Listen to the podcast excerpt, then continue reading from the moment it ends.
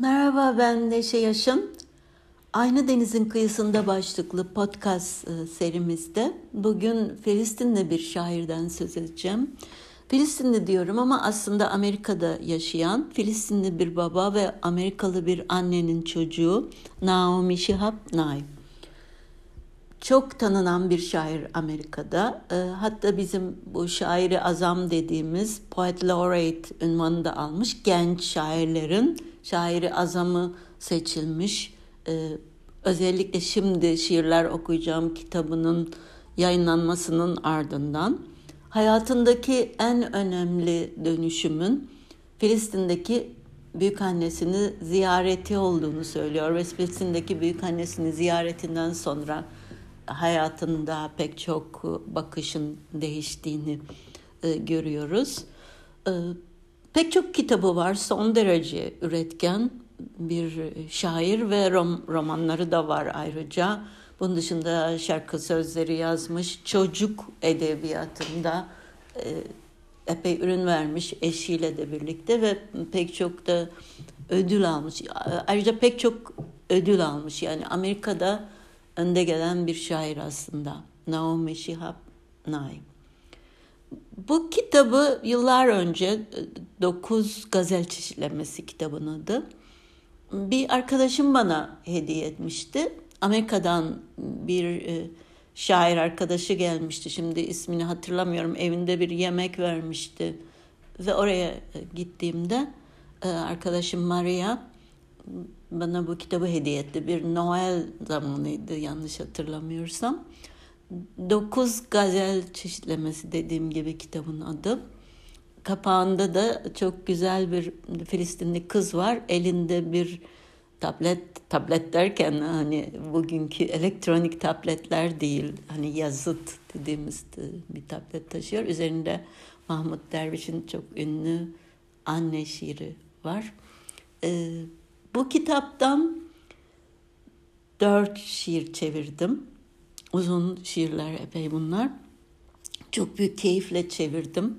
Yani ruhuna çok fazla girerek e, e, ve çok hızla çevirdim bunları. Çünkü okurken Türkçe olarak içimde duydum onları. Bu belki de Orta Doğu, İngilizce şiirler, şiirler İngilizce yazılmış ama hani Orta Doğu'nun duygusunu bilmekle ilgili biraz da. Ee, ilk şiir kelimelerde gizli kelimeler. Büyük annemin elleri üzümleri tanır. Ben hastayken izlediler beni. Uzun ateşlerden uyandım bulmak için onları. Başımı serin dualar gibi örten. Büyük annemin günleri ekmekten yapılmıştır. Yuvarlak bir pat pat ve yavaş pişirme. Fırının başında dikilir yabancı bir araba dönerken yolları. Belki oğlunu taşır Amerika'da kaybolan, çoğunlukla turistleri, gizemli tapınaklarda diz çöküp ağlayan. Postanın hangi sıklıkla geldiğini bilir. Ne kadar da seyrek gelir bir mektup. Gelince bir mucize gibi müjdeler onu. Okunuşunu dinler defalarca loş gece ışığında. Büyük annemin sesi hiçbir şeyin onu şaşırtmadığını söyler. Kurşun yarası diyelim ve sakatlanmış bebek. Yol aldığımız uzamları bilir. Gönderemeyeceğimiz mesajları. Seslerimiz kısadır ve kaybolurlar yolculukta. Kocanın ceketine veda, sevip beslediklerine, tohumlar gibi uçan ondan göklerin derinlerine.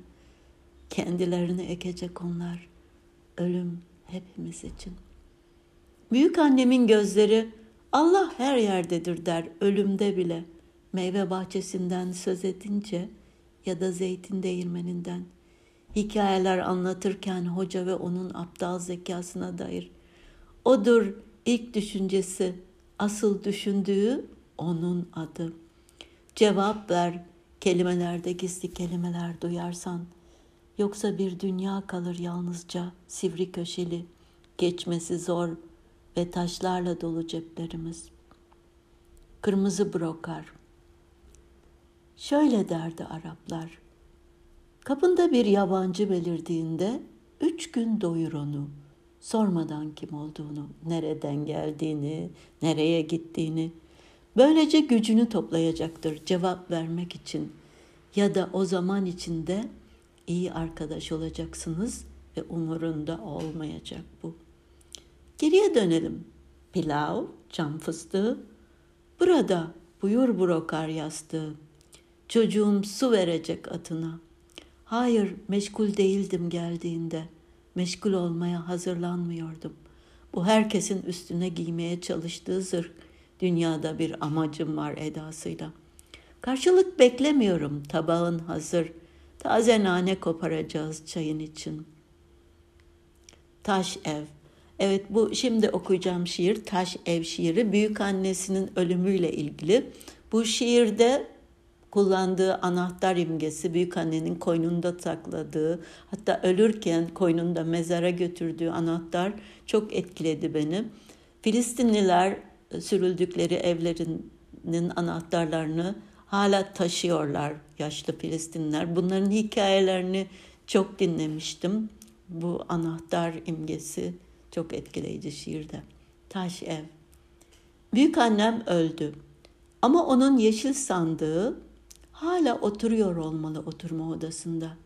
Bir kemer ve tek pencere serin ışığıyla dokunurken yontma kapağı. Merak ediyorum ne oldu? Göğüsleri arasında sakladığı uykuda ya da uyanık kimseyi dokundurmadı o anahtara. Sandığı boşalttılar mı bilmiyorum ya da özenle katlanmış kadife bohçaları bıraktılar mı oyma tabaklarını, sakladığı ve görmemize izin vermediği ıvır zıvırı izin vermezdi bakmamıza. Çünkü her hayat gizli bir yer arar kendine ve dua ediyorum onları boşaltmış olmasınlar diye. Onun güllü sabununu getirmiştik. Çikolatanın ağır kütlesini folyoya sarılı. Folyoyu yemeye çalışmıştım. Fazla bir şey getirmedik ona. Ama sakladı hepsini. Amcam dalga geçti onunla. Çok uzun yaşadı Filistin kraliçesi. Başını çevirmişti o dalga geçince. Önce öldü amcam ve biz hiç kalmadık. Hayır hiç kalmadık biz ama sandık kaldı. Köyde üzümler vuruştu ama gelmedik tekrar. Bu dile gelmeyecek bir keder. Hiç söz etmeselerdi belki dönerdi üzümler. Çömlekler için kullandıkları kil de uzaklara gitti. Genç erkekler uzaklara gitti. Zor bir yerde orası kalmak için. Niye o anahtarı düşünüyorum hala kalpteki kıra ekli. Taş insandan akıllı derdi o. Çünkü bırakıp gitmez taş.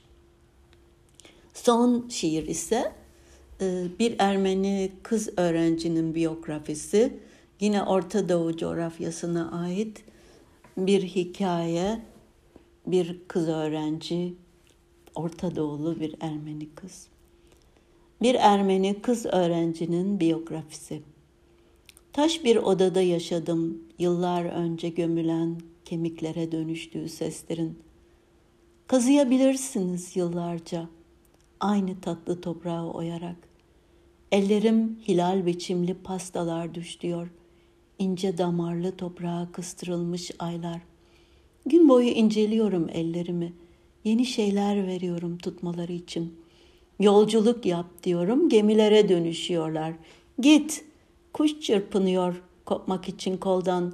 Avlular boyunca bir radyo yükselip infilak ediyor. Avrupa tarihi nedir biz seçemiyorsak kendi kocalarımızı? Dün bir dul adamla buluştu babam. Saçsız bir adam. Nasıl uyuyacağım onunla? Annesinin uzakta hiç uyumayan ben. Bir zamanlar ekmek almıştım kambur bir satıcıdan. Şarkı söyleyerek taşıdım eve. Günler kapılar taşırdı içlerinde önümde açılan. Şimdi üç dilde alfabeyi kopyalıyorum.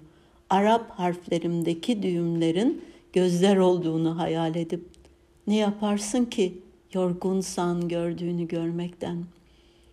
Gri bedene ne olur toprağa uzandığında. Beni ilgilendiren konular bunlar.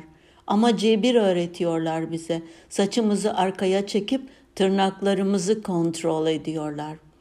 Her öğle üzeri duvardan bildik geçişi güneşin. Oraya uçabilsem.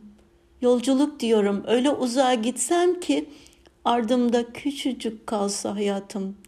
Fizik kimya öğretiyorlar. Pencereden fırlatıyorum kitabımı. Kanatlar gibi dağılışını izliyorum sayfaların. Öğretmenin ceketini yapıştırıyorum sandalyesine. Başka bir şey için doğmuştuk biz. Hatırlar gibiyim bunu. Ben yazarken bir hayalet de yazıyor aynı tablete. Başka bir sonuç çıkıyor toplamdan. Evet, Naomi Shihab Nay da bugünkü Aynı Denizin Kıyısındanın konuğu. Bir başka podcastta yeni şiirlerle, yeni kelimelerle buluşmak üzere. Hoşçakalın.